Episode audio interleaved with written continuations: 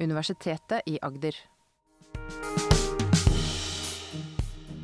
Det er parlamentsvalg i Storbritannia 12. desember i år, og spørsmålet er hvorfor britene enda en gang skal velge hvem som skal styre landet. Det er bare to og et halvt år siden forrige valg, og til å hjelpe oss med å forstå hva som skjer i Storbritannia, har vi med oss Storbritannia-ekspert og førstelektor ved Universitetet i Agder, Jan Erik Mustad. Velkommen til UiAs podkast Spør forskeren. Mitt navn er Atle Kristiansen, og jeg spør Jan Erik Mustad hvorfor er det parlamentsvalg i Storbritannia igjen?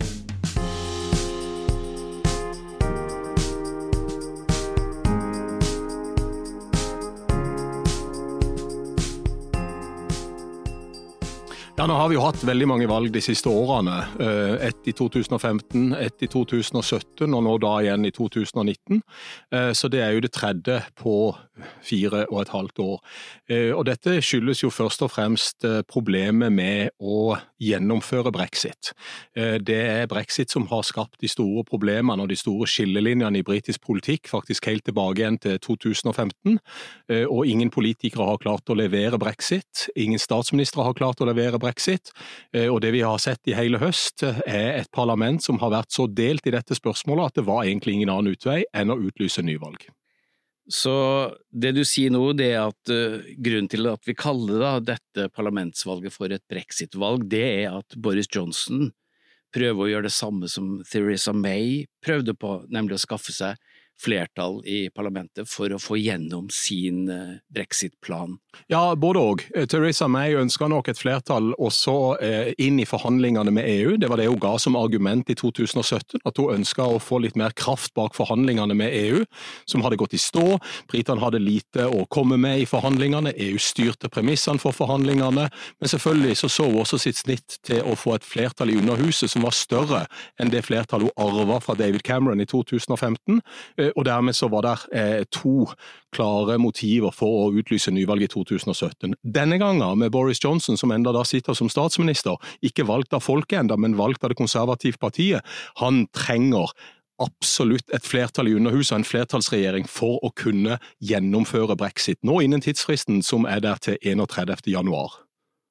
Eh, det betyr at vi fremdeles bare snakke om brexit, eh, og for så vidt Ole Gunnar Solskjær, da, når vi diskuterer Storbritannia.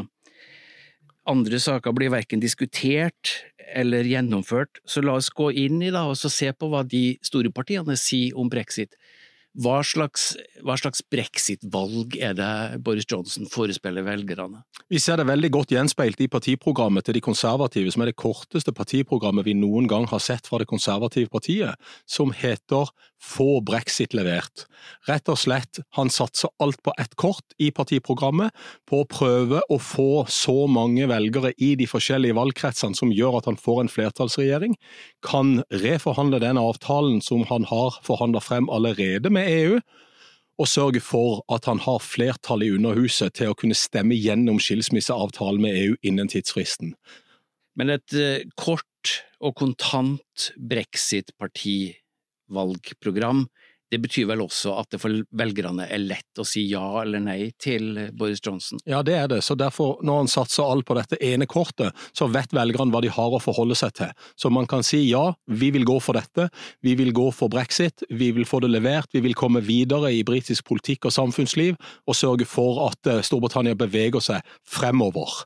Så er man ikke enig i dette og ønsker å ha en omkamp om brexit-spørsmålet, ja, så stemmer man Labour, for Labour har sagt at de vil forhandle avtalen med EU på nytt, og ha en bekreftende folkeavstemning på den avtalen, om folket ønsker den avtalen, eller om folket faktisk nå på dette tidspunktet ønsker å forbli i EU. Det eneste ordentlig forbli-partiet, det er Liberaldemokratene, det tredje største partiet, som ikke har sjanse til å få regjeringsmakt, men som allikevel har sagt og profilert seg som det eneste Remain-partiet, som, som, ønsker da å forbli 100% i EU. Ikke noe mer folkeavstemning, de ønsker å avvikle hele brexit. Men det tredje partiet, da, Liberaldemokratene, i dette topartisystemet som vi har i Storbritannia, de vil aldri nå opp. Det betyr at hvis man stemmer på Boris Johnson, så går etter all sannsynlighet britene ut av EU i januar.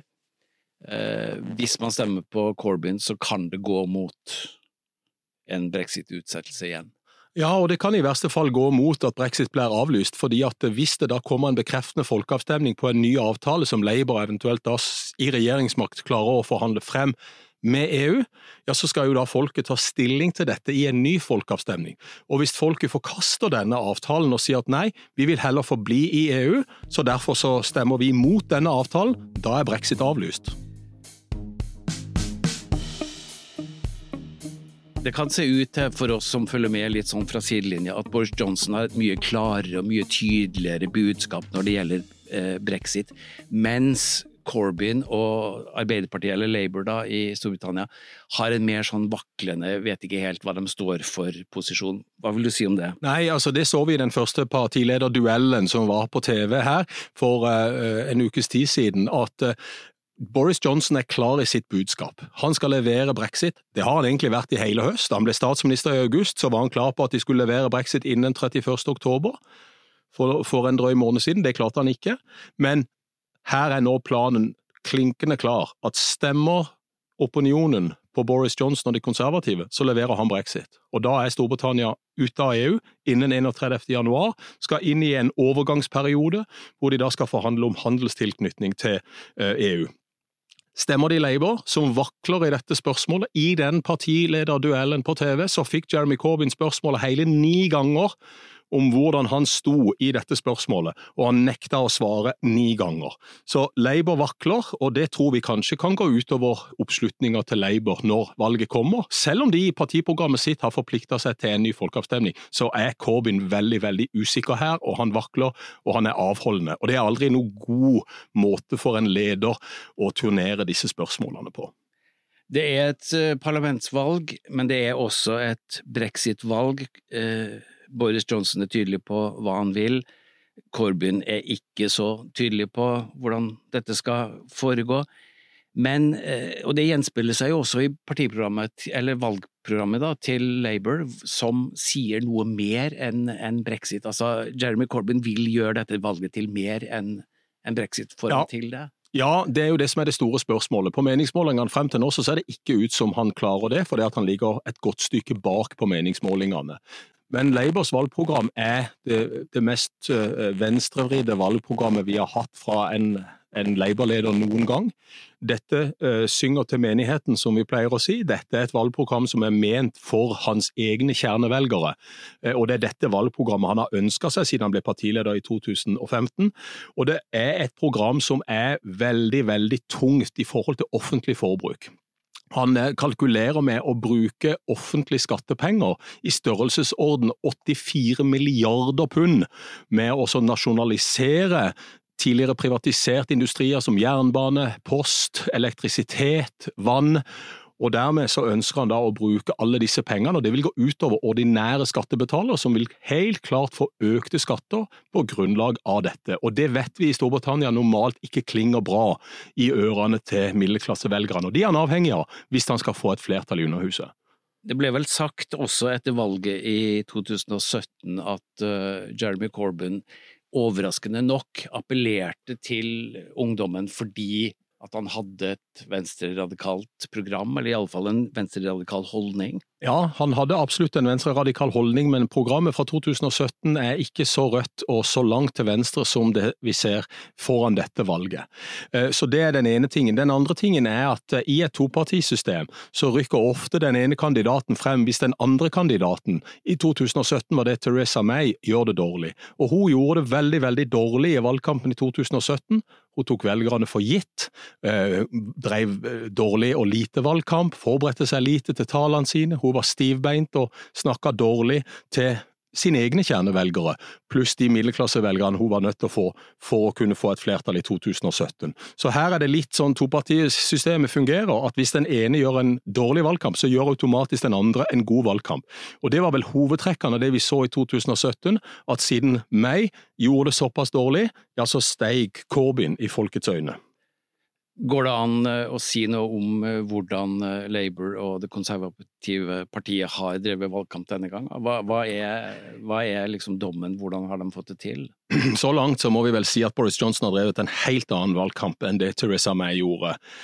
Det konservative partiet sa klart da valget ble utlyst at vi skal ikke gjøre de samme feilene som vi gjorde i 2017. Vi skal gå mye hardere inn, vi skal være mye tydeligere i retorikken, og vi skal si mye klarere hva vi står for i brexit-spørsmålet spesielt, da, siden de satser alt på dette kortet, eh, og levere på de forpliktelsene som vi har nedfelt i partiprogrammet vårt. Det blir vel også sagt fra valgkampapparatet til, eh, til, eh, Boris Johnson at de ønsker å gjøre dette valget til eh, ikke bare et brexit-valg, men til et valg mellom karakteren eller personligheten til Boris Johnson og Jeremy Corbyn. Hvordan har det forløpt? Ja, det er helt riktig. Det konservative partiet sa veldig tidlig at de ønska å fokusere på de to partilederne. Og det er jo hovedsakelig fordi at Jeremy Corbyn har en dårlig standing i den britiske opinionen, rent personlig. Det er langt færre som ønsker å ha Corbyn som statsminister enn Boris Johnson, uavhengig av partitilknytning, uavhengig av det de stemmer. Så hvis du ser på målinger som går på karakterene, Boris og Jeremy, så ligger, uavhengig av partiprogram, uavhengig av alt annet, så ligger populariteten til Boris Johnson langt, langt over eh, populariteten til Jeremy Corbyn interessant nok også blant Labour-velgere. Så veldig mange Labour-velgere ser ikke for seg Jeremy Corbyn som statsminister. Og det er jo selvfølgelig et problem for Labour at de har en sånn type leder. Mange mener jo i tillegg at, at britene er valgtrøtte. De har jo ikke bare hatt mange parlamentsvalg, de har jo også hatt dette brexit-valget og den diskusjonen som har pågått siden. Hvordan vil det slå ut med et valg midt i julestria, tror du? Ja, Det er jo det store spørsmålet i forhold til fremmøtet her. Fordi at eh, begge partiene trenger at det kommer godt over 60 eh, av opinionen. De siste parlamentsvalgene som har vært avholdt i mai, eh, har gitt en fremmøteprosent på eh, ca. 65 pluss minus. Eh, og vi bør opp på det nivået der nå, men som du sier, det er en stor trøtthet i den britiske opinionen. De er lei brexit, de er lei valg. De er lei av å måtte registrere seg for et nytt valg midt i julestria. Og det store spørsmålet er jo om folk går ut for å stemme 12. desember, når de er opptatt med juleforberedelser, innkjøp av julepresanger og julemat, se på julemarkeder. Så, så, dette her er et stort spørsmål i forhold til frammøtet, for begge partiene trenger det, og kanskje spesielt de konservative og Boris Johnson, hvis de nå skal kunne klare å levere brexit innen denne tidsfristen han har satt for seg selv. Er det noen prognoser eller gallup på dette, eller som forteller hva vi kan forvente oss? Ja, eh, den gallupen som traff best i 2017, den ble publisert i The Times eh, her forleden. Eh, som ga Boris Johnson et solid flertall. Eh, så vi må feste litt lit til denne her, selv om målinger er målinger og vi aldri kan feste selvfølgelig 100 li, 100 eh, lit til målingene. Men dette er kanskje noen av de, målingene som er sikrest, og det har vi sett tidligere enn 2017 også. Da får de konservative 351 av de 650 setene. For å få et flertall i Underhuset så trenger du 326 seter. Så hvis han får 351 eller noe i nærheten av det, så har Boris Johnson gjort et glimrende valg. I denne prognosen så ligger Labour så langt nede som på 211 seter. Det vil være katastrofe for Labour hvis dette slår til, og da er det nok slutten for Jeremy Corbyn. Det betyr at det er ikke bare et brexit-valg, det er ikke bare et parlamentsvalg, men det er et valg som, vil, eh, som er vinn eller forsvinn for eh, Jeremy Corbyn.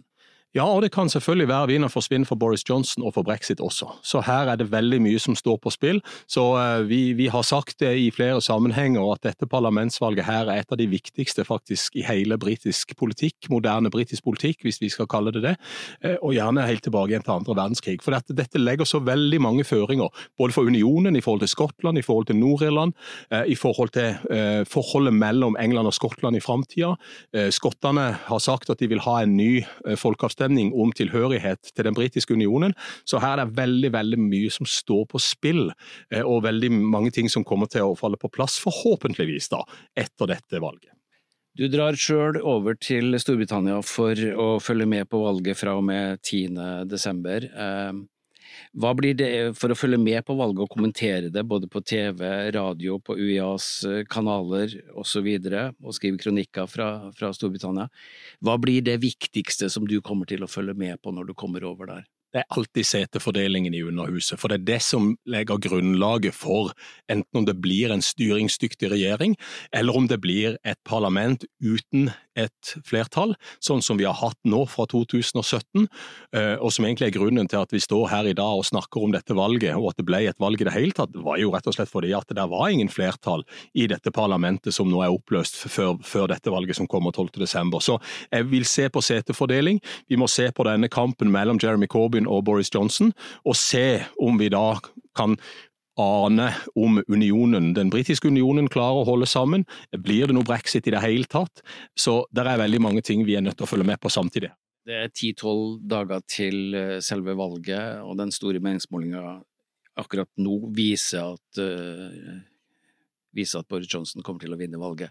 Tør du å spå utfallet? Ja, nå har, jeg jo spådd valget i alle år og tatt feil eh, veldig mange ganger. Vi tok feil i 2017, da trodde vi at Theresa May kom til å få et flertall. Eh, vi tippa jo feil i brexit-avstemningen også, med noen prosentpoeng som gjorde at det ble brexit. Eh, så det, det, dette er kanskje det mest uforutsigbare valget vi har hatt på, på flere tiår. Så det er veldig, veldig vanskelig å, å, forutse noe som helst. Men hvis vi skal legge til grunn den ganske grundige målinga som kom her forleden, ja, så ligger det an til at toryene, de konservative, får et flertall sånn at vi får gjennomført brexit. Så eh, foreløpig så får jeg ligge på det at eh, de konservative får et eh, bitte lite flertall. Da håper jeg lytterne har blitt litt orientert om hvorfor det er et nytt parlamentsvalg i Storbritannia 12. desember, og så oppfordrer jeg bare til å følge med på UiAs kanaler og andre kanaler hvor eh, Mustad kommer til å rapportere fra valget om eh, noen uker. Du har hørt podkasten Spør forskeren fra Universitetet i Agder. Har du lyst til å stille forskerne ved UiA et spørsmål? Send en e-post til kommunikasjon krøllalfa uia.no. Universitetet i Agder.